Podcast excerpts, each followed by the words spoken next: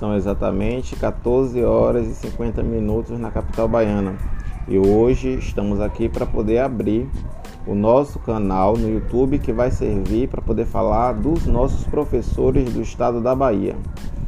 Leandro Lispector para todos os professores no ar.